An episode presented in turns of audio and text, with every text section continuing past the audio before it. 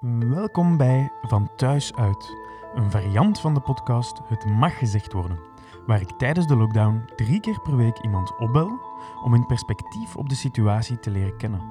Dit is het uitgelezen moment om wat spreekwoordelijke harten onder elkaars riemen te steken. Het is de bedoeling om een gezellig gesprek te voeren, maar ook om het positieve te benadrukken en de opportuniteiten die deze tijden met zich meebrengen op te sporen. Vandaag belde ik met Tim de Neve. Tim is journalist bij Bruz en Belga. Ik vroeg hem hoe hij de lockdown beleeft, hoe hij zich beschermt tegen fake news en hoe wij onszelf daartegen kunnen beschermen en hoe hij de balans tussen sensatie en feitelijk nieuws bewaart. Hij vertelde ook zijn algemene visie op de journalistiek. Mijn naam is Sander Kuipers en ik neem deze podcast op van thuis uit.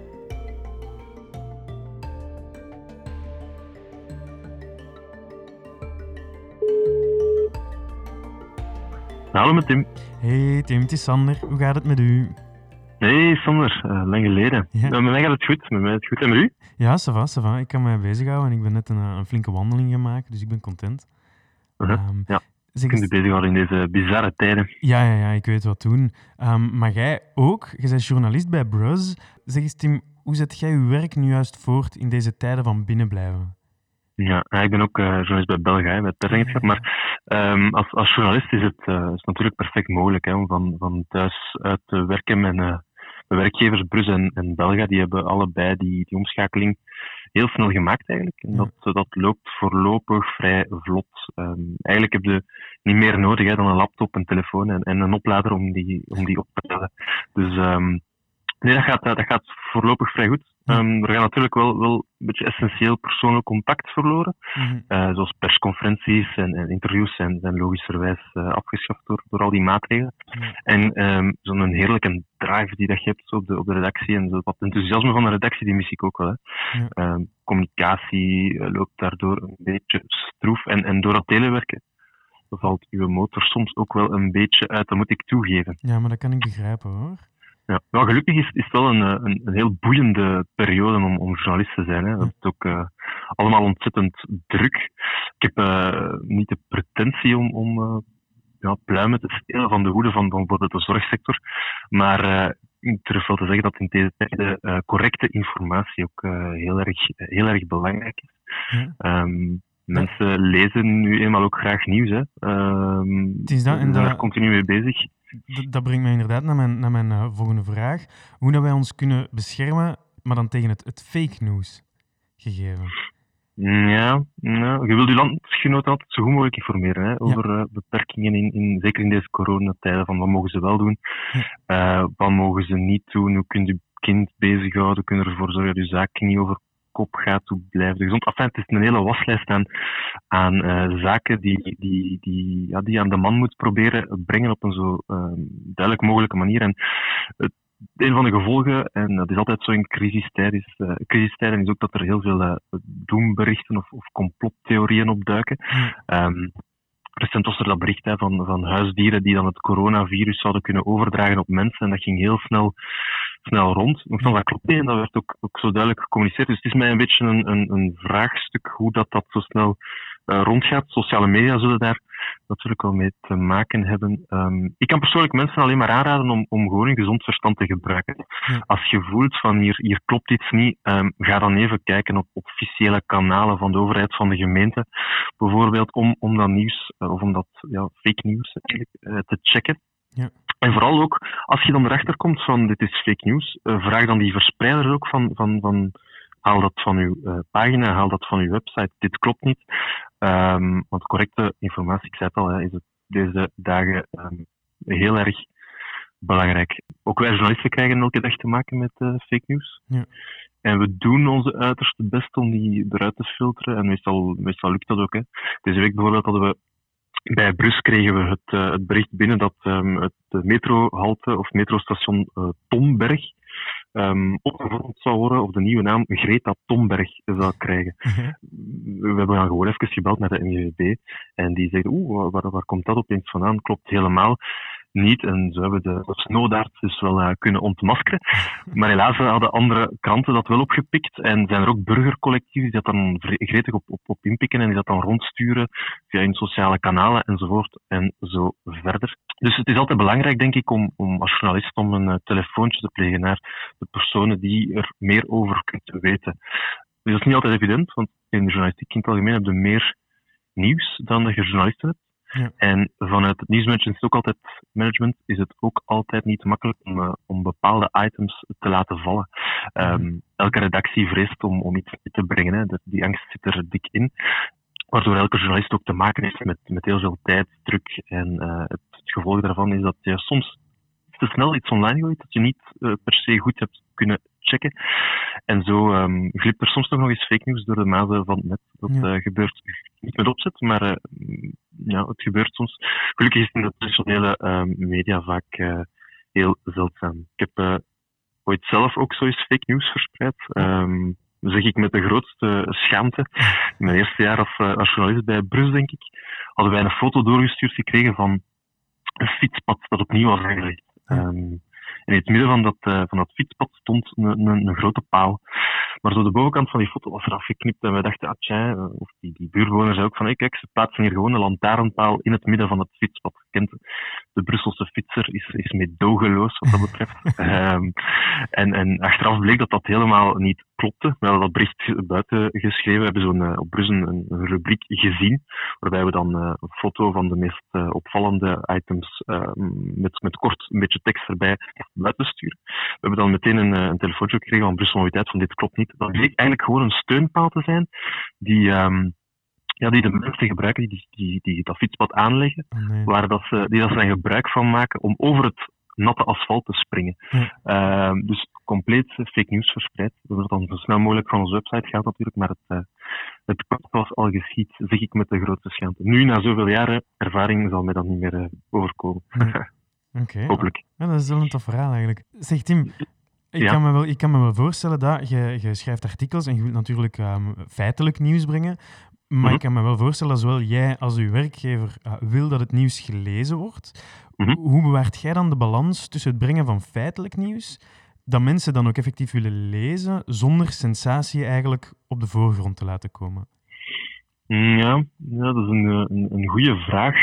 Wat ik altijd probeer te doen, um, en dat is, dat is iets uh, standaard toe eigenlijk, is om uh, mijzelf de vraag te stellen, is dit maatschappelijk relevant? Ja. En daaruit kan ik al een eerste, ja, eerste keer zeggen van, moeten we dit brengen of niet? Hè? Dus, je moet jezelf die vraag stellen.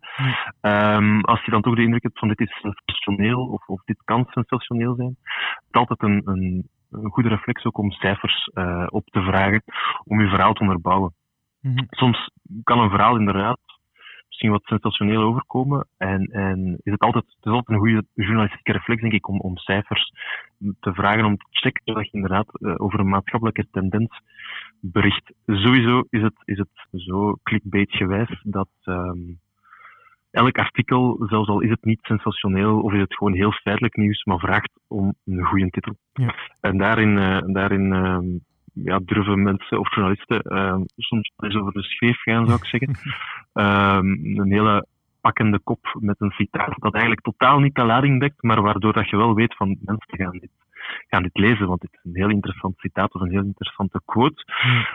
Ik zou zeggen aan de mensen ook van lees het artikel dan gewoon, want vaak, uh, en dat is mijn ervaring ook, vaak nuanceert het artikel de kop. Ja. Um, in dagen van sociale media gebeurt het meestal, of gebeurt het ook vaak, dat mensen gewoon de titel lezen en daaruit conclusies trekken. Ik zou mensen aanraden van lees altijd ook het artikel. Het is niet altijd evident, want mensen hebben niet uh, ongelimiteerde tijd natuurlijk. Ja. Um, maar ik zou niet uitgaan van de kwade wil van de journalist altijd. Um, sensatie hoort er inderdaad een beetje bij. Um, om om ja, de aandacht te trekken. Hè. Iedereen wil dat zijn stuk gelezen wordt en een goede kop kan helpen. Ja. Maar uh, proberen daar toch zoveel mogelijk uh, ja, nuance in te bewaren. En, en, en ik denk als je dan cijfers uh, hebt om je verhaal te onderbouwen, dat een schrijvende kop op zich misschien wel geen kwaad kan. Oké, cool, dank je. Heb jij zelf al rare commentaren gehad op nieuwsartikels van u. Ik, ik denk dan aan, ehm, als je bijvoorbeeld die, die, die artikels ziet op HLN, die comments daaronder, dat is, dat is altijd heel schrijnend. Zijn er mhm. zelf dingen die jij gezien hebt, mensen die u, uw boodschap scheef trekken of gewoon wegloze praat verkopen? Mm, ik, uh, ik probeer zo weinig mogelijk de reacties op artikelen uh, te lezen. Um, enerzijds omdat ik inderdaad als de dood ben voor van die reacties op HLN. Je zou bijna stoppen als journalist als je dat leest, uh, soms. Anderzijds ook omdat ik... Goh, ik ben er meestal wel van overtuigd dat ik mijn job goed heb gedaan en dat ik mijn, mijn bronnen heb gecheckt en dat ik um, iets heb aangehaald of iets heb geschreven dat maatschappelijk relevant is. Nu, feedback is altijd gewaardeerd. Hè. Um, ik, uh, ik heb gisteren nog een stuk geschreven over het feit dat er nu twee hotels worden um, ja, opge, opgevorderd eigenlijk door de Brusselse regering om uh, transmigranten uit het Maximiliaanpark in onder te brengen. Ja. Er waren reacties opgekomen van hey, we moeten die hotels steunen, want wauw, chic initiatief. Uh, waarom vermeldt Brus de naam van die hotels niet? Ja. En dan reageer ik natuurlijk wel, want wij moeten, of wij werden gevraagd uit privacyoverwegingen van zo'n uh, van die informatie niet te delen. Dat kan um, begrijpen, ja. Dus op dat moment is het wel belangrijk om, om, om erop te reageren, omdat je natuurlijk wilt zoveel mogelijk informatie geven. Um, en en, en ja, dan is een reactie wel, wel gewenst, maar voor de rest probeer ik mij daar ook gewoon niet te veel van aan te trekken. Omdat ik ervan overtuigd ben dat ik mijn job zo goed mogelijk doe. En ook omdat ik um, ja, mij wil die schrijnende reacties soms wil besparen. Nu moet ik wel zeggen dat onze lezers bij Brus wel van het, van het betere soort zijn, in die zin dat ze meestal heel goed weten waarover wij schrijven en dat ze de dossiers meestal goed opvolgen. Het zijn uh, intelligente lezers en dus zijn de reacties best ook wel, uh, wel aanvaardbaar en zelfs soms uh, dragen ze bij tot het, tot het debat. En dat is leuk om te horen. zeg, eens, zeg eens, Tim, een goede journalist, wat is dat voor jou? Een goede vraag, Zonder. Um, you're on fire. nee, ik denk de taak van een journalist is om om betrouwbaar en, en correct te, te, informeren aan zijn doelgroep. Niets is, uh, er is niets hatelijker eigenlijk, zou ik zeggen, dan een artikel dat um, meer vragen oproept dan het antwoorden geeft. Um, dus als, als, je dat als journalist kan, dan, dan ben je al op de goede weg. Um, ik vind dat ook bijvoorbeeld een, een, artikel over een straat die afgesloten is, omdat er een zinkgat uh, is, is ontstaan of zo. Ja. Vind ik bijvoorbeeld in die zin even belangrijk als een primeur over een of ander schandaal. Ja. Het is altijd de bedoeling om, om je publiek relevante informatie te geven over zijn dagelijkse leven. Daarnaast denk ik is een, is een, is een goede journalist ook iemand die uh, aanvoelt um, wat er leeft in de samenleving mm -hmm. en dat op een uh, verstaanbare, verstaanbare manier aan, aan zijn doelpubliek kan, uh, kan overbrengen. En ten slotte zou ik een lans willen breken voor dossierkennis. Ja. Dat is iets dat, dat ja, ik heb al aangehaald. Hè. Er is veel tijdsdruk um, en, en een journalist moet ook over van alles schrijven tegenwoordig. Um, maar dossierkennis zorgt ervoor dat je kritisch kunt zijn. Mm -hmm. En dan, dan uh, dat je als journalist niet gewoon een doorgeefluik bent van uh, van wat er in een communiqué of in een persbericht staat, of van wat een of andere politicus zegt. Er zijn uh, meer PR-mensen of communicatiemensen dan journalisten. Ja. Dus ik denk dat uh, dossierkennis uh, heel belangrijk is om de juiste vragen te kunnen stellen en daardoor ook uh, de correcte informatie eruit te kunnen filteren. en persoonlijk dat wil ik nog even meegeven. Maar dat is iets dat mijn collega's misschien niet allemaal zullen delen, maar denk ik dat het ook belangrijk is om aan bronvermelding te doen. Ja. Dat is misschien niet zo essentieel om, uh, als kwaliteit voor een journalist, maar ik vind dat wel iets dat bij de collega's vaak ontbreekt. Um, als je ja, het collegialiteit ten eerste, vind ik, als je, als je een bepaald medium niet de credits geeft die ze wel verdient, mm -hmm. dan, uh, dan is dat niet, uh, niet heel collegiaal. Daarnaast is het ook gewoon belangrijk dat je dat je de mogelijkheid geeft ook aan je lezers om, om zelf nog te checken van klopt dit wel um, en waar haalt hij dat van, vandaan en is die bron betrouwbaar.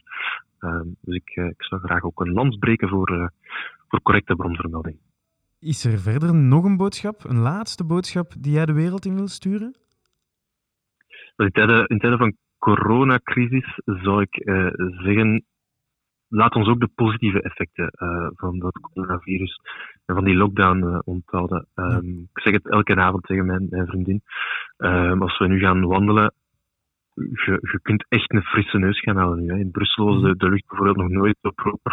Ja. dat is misschien overdreven, maar vorig jaar stikten we in deze tijd eh, allemaal van de lentesmog. Ja. En nu, nu dat er amper, nu dat er amper auto's rondrijden, kun je echt een frisse neus halen. Dus ik zou daar al sowieso op willen de aandacht vestigen van kijk, ga met de fiets, pak het ook maar voor en probeer die auto zoveel mogelijk eh, thuis te laten. Maar ik denk natuurlijk ook aan alle mensen die, eh, die nu hun nek uitsteken om, eh, om die gezondheidscrisis te stoppen.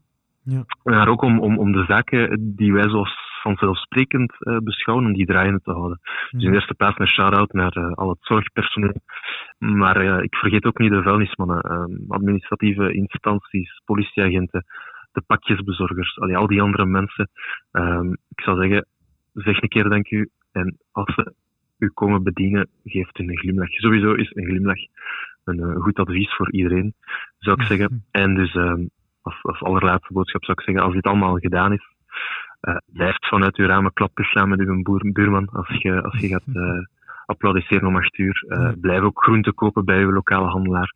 Kortom, blijf, blijf gewoon solidair en geef uw mama, uw oma, iedereen die u dierbaar is, al uw vrienden, allemaal een dikke beest wanneer het niet mag. En, en blijf tot dan godverdomme niet nakot. Vind ik een prachtige afsluiter.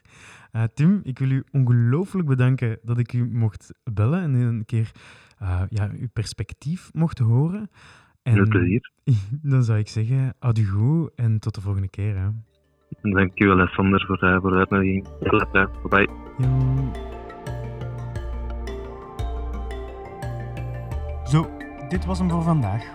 Elke maandag, woensdag en vrijdag tijdens de lockdown breng ik een aflevering uit. Je kan deze podcast luisteren op YouTube, Spotify en quasi alle podcast-apps. Een spraakberichtje insturen kan via www.hmgw.be